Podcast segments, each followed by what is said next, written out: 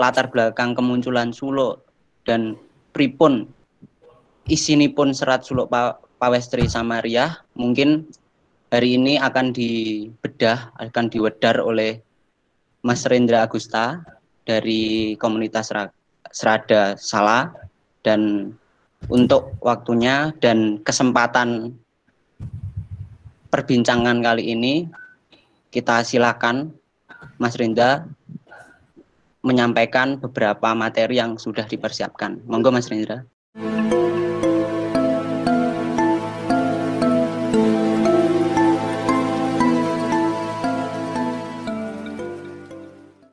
Oke, terima kasih Mas Franky. Um, selamat sore teman-teman, sudah bergabung di diskusi rutin ya. Jadi uh, mungkin teman-teman yang baru bergabung di diskusi rutin ini adalah kegiatan bulanan jadi setiap bulan nanti kita akan ada diskusi seperti ini dan mengambil tema-tema yang ya kurang lebih akan membincangkan hal-hal sederhana terkait dunia pernaskahan. Nah, uh, sore ini kita mengambil tema suluk Power Sri Samaria ya. Jadi itu adalah sebuah naskah yang yang sebenarnya cukup terkenal bagi teman-teman yang belajar biologi tapi uh, bagi teman-teman yang baru saja mengenal apa ya kesusastraan Jawa terutama sastra Jawa abad eh, uh, 20 awal begitu mungkin baru pertama kali mendengar uh, Serat Solo Samaria. Nah, mungkin uh, saatnya ada di buku ya. Kita lanjut. Um, saya tidak akan menjelaskan semuanya ya. Kita nanti lebih banyak ke tanya jawab aja dan sedikit uh, flashback begitu ya untuk membincangkan ya biasanya yang ad, yang ada di yang ada di dalam Oh, suaranya tidak terdengar. Oh. Mungkin, Mungkin sinyalnya, Mas. Sinyal ya. Oh ya. Ya tapi aman ya, lainnya aman. Aman. Aman, aman. Nah, pada umumnya kesusastraan Jawa itu hanya ber, berpacu pada tiga sistem teologis besar begitu ya. Jadi misalkan kita membincangkan kesusastraan Jawa kuna, praktis kita belajar Hindu dan Buddha begitu. Kemudian ketika kita belajar sastra Jawa klasik uh, Surakarta dan Mataram Islam praktis kita belajar tentang agak Islaman itu sendiri. Jadi uh, itu yang umum terjadi dan mungkin banyak dipahami teman-teman. Uh, sebenarnya di luar itu ada naskah-naskah yang yang lain ya, termasuk yang akan kita perbincangkan sore ini beberapa waktu lalu kita membuat polling begitu, terus ada beberapa yang menyarankan untuk membahas uh, terkait dengan Tionghoa karena karena euforianya kita men menjemput tahun baru uh, Imlek dan uh, menjemput masa prapaskah ya. Jadi dalam teman-teman yang um, beragama Kristiani mereka sedang merayakan uh, kegiatan prapaskah ini. Nah, akhirnya oh mungkin kita ngambil sebuah uh, naskah yang bisa saja teman-teman belum pernah mendengarnya atau mungkin baru sekarang uh, seperti Mas Franky tadi oh ternyata serat suluk juga ada di dalam kasanah kesusastraan Jawa dalam hal ini uh, sastra Jawa yang bernuansa uh, gitu ya. Uh, lanjut Mas Kuko. Um, jadi serat suluk Pawestri Samaria itu dari judulnya um, memang ini ya. Jadi memang judulnya adalah serat suluk begitu. Uh, ini pastinya tidak uh, pasti terlepas uh, dari keberadaan ini naskah ini adalah naskah cetak ya kemudian ditulis di awal abad ke-20 jadi sudah tahun 1000 1900-an begitu. Nah, serat suluk Pawesti Samaria ini memang ini ya salah satu naskah yang bernuansa kekristenan di mana dia diberi judul suluk. Saya tidak tahu persis ya kenapa naskah ini di, diberi judul suluk, tetapi uh, mungkin begitu ya, mungkin penghayatan spiritual di Jawa pada masa itu um, disebut dengan sastra suluk ya. Kita mengenal beberapa naskah suluk yang lain, misalkan suluk Parang Sumirang, kemudian uh, Centini ya, suluk Tambang Raras begitu. Jadi itu teks-teks yang sebenarnya di balik cerita itu membicarakan jalan spiritualitas gitu masyarakat Jawa. Umumnya adalah spiritualitas keislaman. Jadi uh, kalau kita mengenal misalkan Suluk uh, Tambang Raras itu uh, Centini itu uh, bercerita tentang bagaimana perjalanan masyarakat Jawa yang uh, mencari apa ya semacam perjalanan spiritual ya dia tokoh ini dia menjalani hidup dan menemukan uh, spiritual keislaman. Nah, Suluk Oasis Samaria sepertinya juga seperti itu. Uh, jadi uh, narasinya hampir mendekati dengan um, suluk-suluk yang lain adalah bernafaskan spiritualitas atau uh, dekat dengan teologi, tetapi secara khusus serat, serat suluk Pawasi Samaria adalah um, bernafaskan kekristenan Jawa. Nah, serat suluk Pawasi Samaria ini ditulis oleh si Chong. Saya tidak saya tidak punya data banyak tentang siapa beliau ini begitu. Jadi um, ya saya pikir beliau adalah seorang ya, Tionghoa ya Tionghoa yang yang tinggal di Surakarta dan eh, ini juga terkait dengan uh, Bapak Xi Chong ini jadi penerbitnya jadi penulis dan terutama yang penerbit ini ya Bapak Xi Chong ini adalah orang yang sangat terkenal dalam dalam sejarah kekristenan di Surakarta karena um, beberapa jasa beliau Nah, naskah ini ditulis uh, tahun 1923. Beberapa orang meyakini ada draft manuskripnya sebelum naik cetak menjadi naskah uh, ini cetak begitu. Kemudian um, naskah ini diterbitkan terus cukup banyak ya kita bisa menjumpainya di beberapa penyimpanan ya misalkan di Fakultas Sastra Universitas Indonesia kemudian di di Surakarta kita bisa main ke Yayasan Sastra Lestari itu naskah ini ada di sana. Gitu. Jadi teman-teman yang pengen uh, pengen lihat uh, bentuk fisiknya dari dari naskah ini bisa berkunjung ke Universitas Indonesia atau Yayasan Sastra. Selain itu secara digital sepertinya Wikipedia uh, atau Yayasan Sastra sudah mengalih mengalih aksarakan gitu. Jadi itu bisa di bisa dibaca langsung dan uh, dan didalami itu. Dan penelitiannya penelitian terkait Solo KWSI Samara juga sudah dilakukan ya secara filologis oleh Bapak Danu Danu Pio itu balai bahasa kemudian uh, beberapa tulisan lainnya tentang sinkretik dan kerajaan kultural itu juga ada beberapa di beberapa jurnal jadi saya pikir um, naskah ini cukup menarik dan sebenarnya masih perlu dikaji lagi secara khusus tentang ruang kultural uh, lahirnya naskah ini.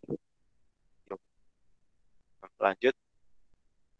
Um, jadi naskah ini uh, pada naskah pada uh, pupuh pertama di foto ketiga itu ada ada manggala ya dan penyengatan untuk dinulis nut jueng jumah kliwon tanggalnya peng kali likur wulane sawal mungso sadeku wukune tolu engkang waris yang berjalan.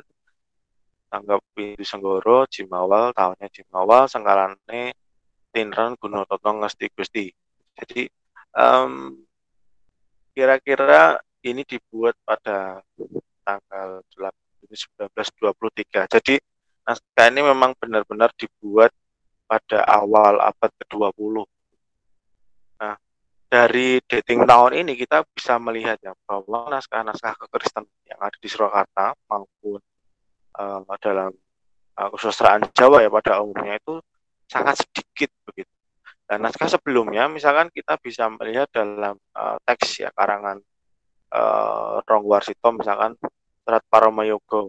Nah, dalam teks Paramayoga itu kita bisa melihat kesusastraan Jawa bernafas Kristen. Misalkan peristiwa uh, Batara Guru yang melihat melihat uh, kelahiran Nabi Isa kemudian dia menjelek-jelekan Nabi Isa dan uh, Batara Guru itu uh, menerima apa ya semacam walat gitu ya. Uh, dia kualat gitu terus disotke ya.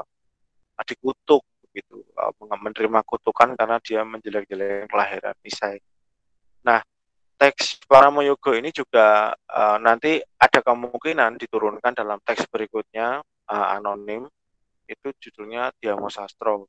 Jadi itu semacam ringkasannya Paramoyogo gitu. tentang uh, bagaimana orang Jawa memaknai ruang-ruang uh, ruang-ruang teologis kekristenan dan Hindu ya. Bedoro Guru ini dekat dengan tradisi Hindu dan uh, Nabi Isa ini dekat dengan tradisi Abrahamik ya. Nah, um, tetapi kita uh, tidak begitu yakin ya apakah Ronggo Warsito itu menulis para Mayobo ini yang dimaksud Nabi Isa dalam tradisi keislaman atau kekristenan.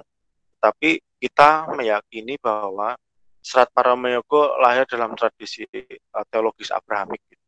Jadi tentang Nabi Isa yang uh, mempunyai apa ya kekuatan itu sebagai orang yang lahir dan dia mampu meng, uh, apa ya, membuat uh, kutukan terhadap Bedoro Guru itu. Nah, teman-teman bisa bisa baca di Serat Paramoyo. Nah, ada juga naskah lain tentang kekristenan sebelum ini juga uh, anonim ya, misalkan Serat Suksmololono. Nah, Serat Suksmololono itu juga mengisahkan bagaimana perjalanan uh, sukma itu mengembara dan dan di situ kita bisa melihat uh, tradisi kekristenan di dalam naskah uh, juga naskah Solo ini. Tetapi lagi-lagi uh, itu tidak begitu jelas apakah yang dimaksud dengan Nabi Isa di situ adalah Nabi Isa dalam tradisi kekristenan atau Nabi Isa dalam tradisi keislaman atau Nabi Isa dalam tradisi Yahudi misalkan. Tetapi lagi-lagi itu semua masih dalam lingkup teologis Abrahamik. Nah, yang menarik dari dari awal abad ke 20 ini uh, Nabi Isa benar-benar dalam penyebutan naskah naskah naskah Kristen awal abad 20 itu benar-benar Nabi Isa ditunjukkan bahwa ini masuk ke arah sastra dengan lingkup Kristen. Lanjut. Nah, ini mengapa gitu? Uh, kenapa kok kenapa kok kita kok ada naskah kekristenan ya di Surakarta itu nggak lepas dari, dari ruang kultural yang terjadi di Surakarta kita uh, dalam sejarah uh, kekristenan ya itu bisa dibaca di banyak buku ya di misalkan penelitian-penelitian uh, historia Kristen di Indonesia kemudian Bapak Jending in Tanah Jawi itu uh, sangat detail gitu ya mengisahkan bagaimana kedatangan para misi maupun jending jadi baik dari Katolik dengan misinya, kemudian Kristenan dengan zendingnya, itu dia datang. Setidaknya tercatat ketika ada VOC ya, uh, perdagangan multinasional yang ada di Jawa pada waktu itu dia mengirimkan 254 pendeta dan 800 pelayan pelayan uh, orang sakit begitu. Nah, catatan ini tidak begitu banyak ya, uh, cuma disebutkan ada ada sekian pendeta yang datang ke Jawa uh, atau mungkin wilayah Nusantara secara khusus memang Jawa ya. uh, di situ dia kemudian uh, tidak banyak siapa yang dikirim lembaga apa yang uh, menaunginya tetapi praktis itu masyarakat Belanda kemudian uh, pada masa kedatangannya Raffles ya ke Jawa peralihan kekuasaan dari Belanda ke Inggris itu adalah masa-masa gemilang bagi bagi kekristenan. Karena karena uh, London Missionary Society itu dia mengirimkan apa ya sekelompok penginjil itu dan dia bekerja sama dengan uh, penginjil sending ya. Endless Sendling Genoskaf uh, sebelumnya jadi di masa ini memang uh, seluruh wilayah uh, Nusantara terutama Jawa terutama Jawa dan uh, Timur ya maksudnya Maluku kemudian Papua kemudian Nusa Tenggara Timur itu benar-benar uh, mengalami masa keemasan. Penginjilan ada di mana-mana, kemudian mempengaruhi banyak sekali kebudayaan. Nah, tetapi setelah Raffles meninggalkan Jawa, ya, kemudian Jawa di di diambil oleh pemerintah Hindia Belanda, lahirlah banyak peraturan lagi. Peraturan ini salah satunya tentang pengaturan izin misi. Jadi pekabaran Injil itu, pekabaran kekristenan itu tidak sebebas ketika um, pekabaran Injil pada masa Raffles. Jadi itu mengalami surut gitu. Nah, itu sampai dengan tahun 1854 ya tentang uh, terkait dengan uh, alih-alih tentang misi itu harus terakomodir gitu tercatat terakomodir ada izinnya nah pemerintahan Hindia Belanda wajib menyelenggarakan uh, pembiayaan atas misi itu. Nah, uh, itu semua juga akhirnya menghambat ya uh, uh, peristiwa uh, penginjilan di di Nusantara khususnya Jawa itu uh, menurun, gitu. tidak begitu banyak. Kemudian uh, lanjut tuh pada masa-masa abad 19 ini lahirlah uh, apa ya kegiatan penginjilan pada ruang-ruang kecil gitu. Jadi dia hanya sisa-sisa dari penginjilannya Raffles dalam komunitas-komunitas yang sangat kecil dan umumnya hanya ada di kota-kota besar. Kemudian itu berhenti total ketika perang Diponegoro. Di perang Diponegoro itu menghentikan banyak banyak apa ya banyak kegiatan kekristenan atau mungkin masih ada ya komunitas kecil-kecil ini karena memang eh, kemudian hari begitu ya setelah perang Diponegoro selesai kemudian penataan ulang tahun 1830 kemudian reforma agraria 1870 itu akhirnya eh, kelompok-kelompok uh, kecil ini ternyata ditemukan kembali begitu ya dalam uh, rombongannya Kiai Satra ya Kiai Satra ini orang yang sangat terkenal ya di, di Jawa. Kita nggak bisa bicara tentang kekristenan tanpa membicarakan Kiai Satra dan Kiai Tunggul Wulung di Jawa. Jadi seorang tokoh uh, kekristenan dan, dan dia uh, berada di Purworejo, kemudian Tunggulung ada di sekitar Pati gitu. Kemudian uh, itu ada kelompok-kelompok kecil gitu yang terpisah di sekitar uh, Surakarta ya. Jadi uh, saya tidak tahu apakah uh, ini dekat dengan wilayah perkebunan. Saya saya tidak tahu ya. Mungkin teman-teman tahu daerah ini namanya Birit dan Mawen di Klaten di arsip hanya tercatat di bawah Pajang Negara Agung Pajang ya karena Klaten uh, di bawah Negara Agung Pajang di bawah Keraton Surakarta itu ada dua kelompok kecil begitu tentang kekristenan yang ada di Surakarta. Nah, sebenarnya sejak sejak zaman uh, mungkin masa-masa ini ya masa-masa awal sekali uh, pemerintahan Mataram Islam uh, daerah daerah Vosselen itu daerah kerajaan itu jadi kota negara dengan negara pengapitnya negara agung penumpingnya penumping dan panekarnya itu adalah bagian dari negara kerajaan Surakarta yang kemudian hari jadi Surakarta dan Yogyakarta itu negara yang sangat dalam tanda kutip uh, haram gitu. Tanah yang tanah yang haram untuk penginjilan. Bahkan itu ditegaskan kembali oleh uh, Sunan Pakubuwono ke-10 pada pada akhir abad ke-19 bahwa uh, Surakarta ya terutama Kutonegoro Surakarta itu tidak boleh ada pengabaran Injil. Tapi di kantong-kantong uh, kecil begitu masyarakat di kanan kirinya itu masih ada kelompok-kelompok kecil begitu. Nah, ini yang ini saya pikir eh, ruang-ruang sosiologis yang menarik diamati ya dan kita bisa melihat mengapa uh, uh, karya sastra kekristenan tidak tidak muncul ya di di abad 19 gitu. Jadi di abad 19 itu sama sekali sampai hari ini kita jarang menemukan ruang-ruang kekristenan dalam karya sastra. Mungkin ada dalam bentuk kesenian atau arsitektur iya, tapi dalam karya sastra itu uh, mungkin ya tadi hanya para Mayogo, Suksmolono, dia Diamo Sastro dan dan lain-lain. Lanjut. Nah, uh, kemudian uh, beberapa kegiatan itu uh, lahir dari lagi-lagi dari negara penumping ya. Misalkan tahun 1895 uh, Scorer ini tokoh penting di Purworejo ya. Dia dia melakukan pekabaran Injil tersembunyi begitu melalui praktek medis uh, dan dia akhirnya berpindah dari Purworejo ke Surakarta.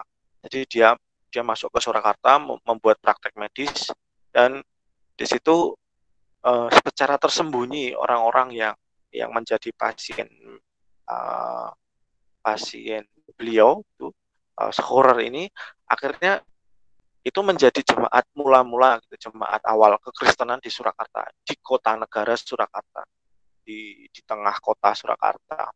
Ya kawasannya memang uh, sekitar Gemblekan ya.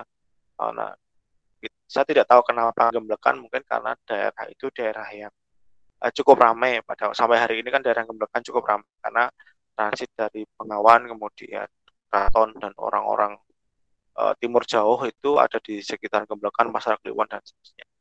Nah, di situ kemudian uh, dokter Skorer ini tertangkap gitu ya. Jadi uh, dilaporkan oleh uh, mata-mata Paku Buwono ke-10 atau PB Paku Buwono 10 melaporkan itu kepada residen dan menyuruh kalau harus harus pulang gitu ya harus dipulangkan ke Purworejo gitu dari Surakarta. Jadi eh, praktek itu harus dihentikan. Jadi tahun ini masa-masa eh, transisi yang sangat penting lagi. Lagi-lagi Sunan Paku Buwono X masih uh, keras sekali gitu ya. Wah daerah negara harus karena karena ini wilayah uh, sistem kerajaan Islam yang secara kenegaraan dibangun atas nama uh, pendasaran keislaman dia agak kurang kurang serak jika ada uh, komunitas terutama komunitas pribumi yang atau masyarakat di bawah pemerintah Surakarta yang memeluk agama non Islam. Nah, itu uh, titik paling keras ya. Jadi ini pukulan uh, paling keras. Jadi setelah Paku Buwono 10 ini benar-benar uh, kuat sekali begitu membuat peraturan-peraturan. Tapi zaman berubah ya. Uh, zaman berubah lanjut um, pada masa-masa berikutnya um, ada ada rombongan lain. Tadi kita uh, misi itu berangkat dari Belanda, kemudian ada yang dari uh, Inggris, gitu. kemudian ada sinode uh, gerakan gerakan uh, pekabaran ini juga dari Utrecht yang dia uh, memutuskan untuk Surakarta ini sebagai wilayah kerjanya, wilayah penginjilan, sasaran untuk pekabaran Injil dan dan lima tahun setelah uh, sinode reformer dari Utrecht ini dia uh, berhasil begitu meyakinkan Gubernur Jenderal Belanda, kemudian Sunan Sunan Pakubuwono X sendiri, terus kemudian Mangkunegoro itu um, memperbolehkan dia, dia dengan segala macam lobbying politik dan lain-lain ya pasti ada kesepakatan lain-lain. Terutama pada tahun-tahun ini yang dilakukan oleh sinode ini adalah ruang pendidikan yang awalnya kekristenan itu dibangun karena eh, ruang-ruang uh, medis itu kemudian tahun 1910 ini ruang pendidikan. Nah, salah satu tokoh yang terkenal adalah uh, Anthony van Andel. Ini orang yang uh, dari sinode reformer itu yang paling berpengaruh ya pada awal-awal masa diizinkannya kembali gitu kabaran Injil di Surakarta. Nah, masyarakat yang menerima kekristenan ya menerima, masuk ke kekristenan itu paling banyak awalnya memang orang Eropa, kemudian orang Tionghoa dan masyarakat Jawa yang biasanya dekat dengan masyarakat Eropa. Jadi misalkan eh, pegawai begitu ya, pegawai kolonial Belanda yang dia pribumi, kemudian tenaga, tenaga administrator Belanda begitu dia adalah orang-orang yang dekat ya dekat dengan pemerintah kolonial berbeda dengan masyarakat uh, pada umumnya misalkan petani begitu dia jarang sekali uh, terdata sebagai masyarakat Kristen Surakarta mulai. Kemudian lanjut. Nah, uh, inilah yang menarik ya. Jadi si tadi Van Andel tadi adalah orang yang pertama kali bahkan diizinkan untuk membuat uh, apa ya gereja ya gereja gereja paling awal di Surakarta tanggal 30 April 1916 dia membangun gereja Margoyudan. Nah, salah satu dari orang-orang jemaat pertamanya Van Andel adalah si Xiao Chong ini. Si Xiao Chong ini adalah uh, orang Tionghoa, dia berbisnis di ruang percetakan dan perdagangan. Kemudian dia menulis setidaknya menerbitkannya. Penulisnya mungkin bisa orang lain seperti Suluk Pawesi Sampada ditulis oleh uh, orang lain tapi diterbitkan oleh Bapak Xi Chong ini. Nah, uh, dalam uh, beberapa naskah sejarah pembangunan gereja Margoyudan di Surakarta, beliau ini tercatat gitu sebagai penatua yang ikut mendirikan uh, GKJ Margoyudan gitu atau pada waktu itu belum bernama GKJ ya masih Pasamuan Kristen Jawi Reformat Margoyudan di Surakarta. Nah, beliau ini menerbitkan dua buku yang terlacak, mungkin teman-teman nanti bisa menambahi, itu Suluk Serat Pawesi Samaria dan Serat Kawruh Kebatin. Nah, ini uh, menjelang akhir ya, jadi nanti masa-masa sebenarnya sebenarnya pada tanggal uh, tahun 1930 30-an ini kan uh, Belanda mengalami apa ya resesi ekonomi ya di seluruh seluruh Indonesia seluruh tanah jajahannya Kemudian pada masa ini juga uh, peranan dari Zending di Surakarta atau misi di Surakarta itu uh, mengalami kemunduran juga. Gitu. Akhirnya orang-orang yang uh, lebih aktif di, di dunia kekristenan itu justru malah orang-orang uh, Tionghoa dan masyarakat Jawa itu sendiri. Nah, um, GKJ Margoyo Solo itu di dibuat didirikan oleh Pak penatua masyarakat Jawa dan Pak Seo Chong.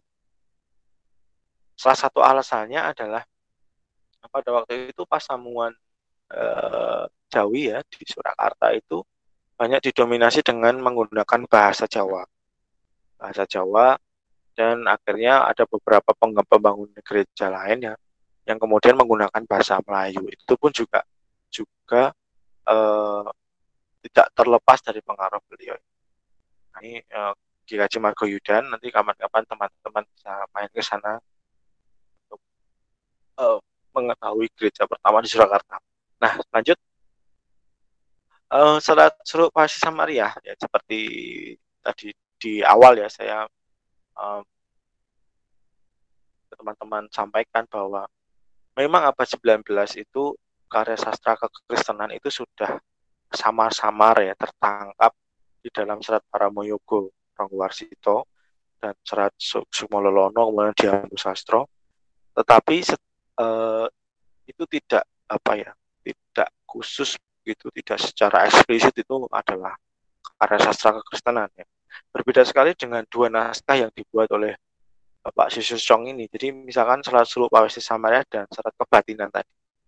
Nah serat kebatinan itu juga akan uh, benar-benar itu di, itu menceritakan tentang kisah Nikodemus ya kapan-kapan kita bisa uh, bisa berdiskusi tentang itu. Dan juga serat suluk pasti Samaria. Ini tentang kisah yang uh, secara tekstual itu berdasarkan pada Injil Yohanes pasal 4 1 sampai 2 jadi um, tentang pertemuan Yesus dengan perempuan Samaria di sumur Yakub itu nah, dia di situ ada percakapan ya nanti bisa cek di Google banyak. Itu uh, bagaimana uh, kisah perjumpaan si Yesus ini dengan dengan perempuan Samaria itu menjadi obrolan yang diambil dalam konsep karya sastra ini. Yang menjadi penting adalah uh, ada dua bagian yang saya amati ya dalam dalam naskah ini. Yang pertama tentang air hidup dan yang kedua tentang penyembahan sejati. Nah, penyembahan sejati ini uh, dua hal ini yang menarik ya bagi saya karena di ruang karya sastra suluk ya, seperti yang kita ketahui di naskah suluk sebelumnya yang bernafaskan keislaman. selalu ada apa ya misalkan kalau kita bisa bilang uh, sinkretisme atau kita bisa bilang uh, itu percampuran atau apa uh, ini ruang-ruang yang mensandingkan dalam teori-teori baru sebenarnya adalah kontestasi wacana ya. jadi antara wacana yang sudah ada misalkan tentang uh, penyembahan sejati gitu ya penyembahan sejati itu konsep-konsep yang diambil sebenarnya sangat jauh kemudian uh, konsep konsep yang lain misalkan uh, dalam surat suluk Pawesi Samaria itu mensejajarkan ya bagaimana uh, air hidup ya dalam tanda kutip dalam masyarakat kekristenan uh, firman itu atau uh, dakwah atau ayat-ayat dalam Alkitab itu dianggap sebagai air hidup. Nah, ini disejajarkan dengan Tirta Amerta. Di Tirta Amerta itu kita bisa baca di naskah-naskah sebelumnya Amerta itu ada di Dewa Ruci, ada di Nawaruci. Mungkin lebih tua lagi kita bisa baca di Adi Parwa tentang Amerta Sanjiwani dan lain-lain gitu ya. Nah, konsep Amerta dalam Samudra Mantana juga tentang bagaimana air air yang menciptakan keabadian, air pelanggan.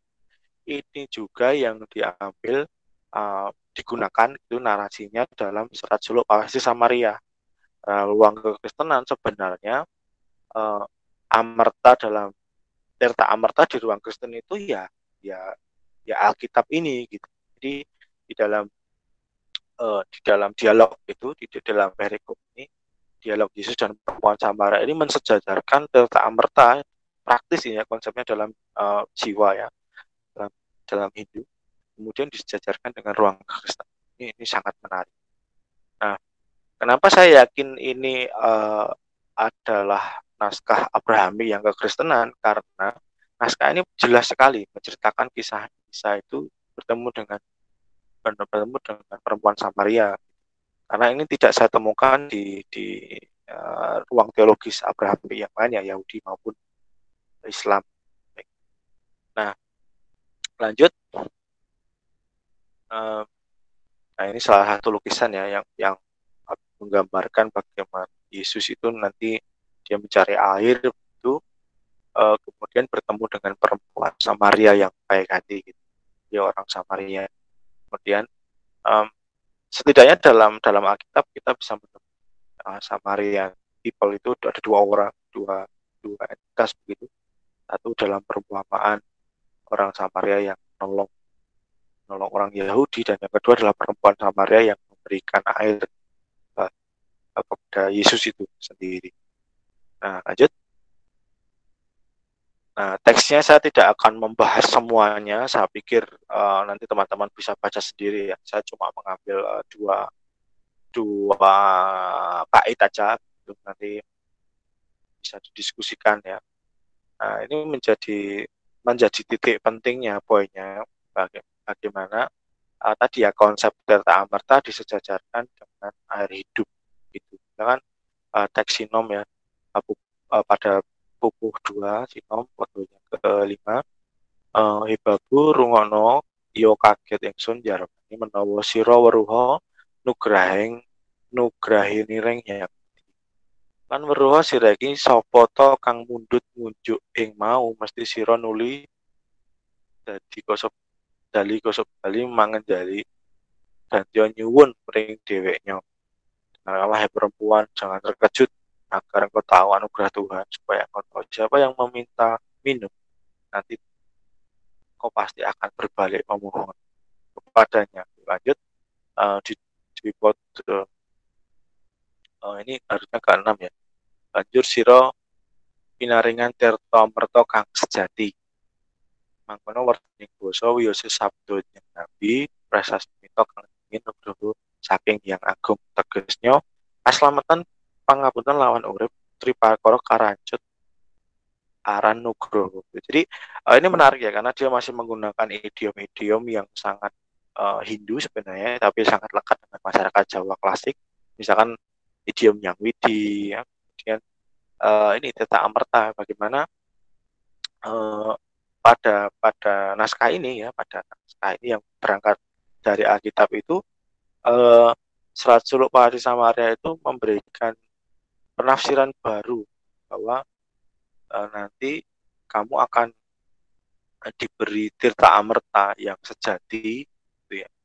Mangkono werdine basa di it, uh, itulah ucapannya ini ya inti dari sabda-sabda jeng nabi. Ini yang dimaksud nanti teksnya aja nyebut jeng nabi Isa gitu. tapi sebenarnya juga, uh, juga membicarakan Isa dalam konsep kekristenan kemudian uh, konsepsinya tentang keselamatan pengampunan dan hidup gitu. Jadi tiga hal ini uh, bahasa yang sangat dekat dengan teologis kekristenan. Jadi dalam bubuh kedua bait kelima dan keenam ini sangat uh, sangat menarik ya kita amati bahwa ruang-ruang kekristenan itu membuat wacana baru di dalam kesusastraan Jawa yang dia masuk melalui apa uh, apa ya kebudayaan yang sudah stabil begitu ya. Kebudayaan sudah ada di Jawa. Sebenarnya ini juga yang terjadi ketika kita teman-teman membaca teks suluk dalam naskah keislaman gitu. Jadi idiom-idiom Hindu itu belum hilang. Di dalam Jawa kuno pun seperti itu. Jadi konsep Jawa kuno itu seperti hanya memasukkan teks-teks Sanskerta, kemudian konsep Hindu yang kadang-kadang kita menganggapnya tidak begitu matang begitu ya. Tapi itu ada dan lahir kadang-kadang sering juga disebut dengan kabudat gitu. Jadi konsep uh, teologis yang bernafaskan Hindu Buddha tetapi dia agak berbeda begitu. Nah, ruang-ruang kekristenan ini uh, menarik ya kita amati bahwa perjalanan masyarakat Jawa tentang teologis itu ternyata berkesinambungan lintas apa namanya uh, lintas zaman begitu perkembangan zaman termasuk ke dalam ruang-ruang teologis. Lanjut. Um, jadi sebagai simpulan ya nanti banyak diskusi aja bahwa karya sastra Jawa ya, yang bernuansa kejawen Kristen setidaknya secara masif dimulai akhir abad ke-19 sampai abad ke-20 begitu. Nah, karena kita bisa melihat ya pada pada masa-masa ini mulai mulai diterjemahkannya uh, Alkitab ke dalam bahasa Jawa begitu ya. Kemudian uh, ada proses-proses kabaran Injil, ada tokoh-tokoh lokal yang mulai banyak. Nah, di situ uh, memberi apa ya sumbangan pengetahuan bahwa ruang-ruang teologis dalam kelidan sastra itu tidak hanya diisi oleh teologis Hindu, Buddha maupun Islam, tapi Kristen sendiri juga ternyata ada gitu dalam dalam kesusastraan Jawa yang tidak bisa kita kita kita nihilkan gitu. Jadi eh, ruang-ruang ini ternyata saling saling berebut wacana ya. Jadi kadang-kadang kesimpulannya uh, sebagai kesimpulan itu menarik ya untuk didiskusikan. Sebenarnya masyarakat Jawa ini uh, memot amot semuanya begitu ya. Atau sebenarnya ya sebenarnya Jawa itu tetap punya ruang teologisnya sendiri gitu. Sedangkan uh, konsep Hindu, Buddha, Islam, Kristen itu sebagai apa ya mungkin sampiran ya uh, ruang administratif uh, beragama, tetapi dalam konsep kehidupannya setidaknya sampai abad ke-19 dan awal modernisasi ya mungkin sekarang pun mungkin berubah juga ya mungkin cara beragama orang Jawa yang sudah masif ya ter, uh, identitas keagamaannya sudah masif secara administratif tapi uh, kita masih bisa menemukan praktek-praktek uh, uh, spiritualitas ya dalam bentuk lain di dalam kebudayaan Jawa. Nah, saya pikir itu uh, diskusi paparan saya. Semoga um, cukup uh, memantik banyak pertanyaan dan kita tanya jawab ada nanti dibantu sama Mas Franky. Kalau yang bisa saya jawab, saya jawab. Kalau tidak, mungkin ya teman-teman nanti saya tawarkan untuk membantu. PR. PR.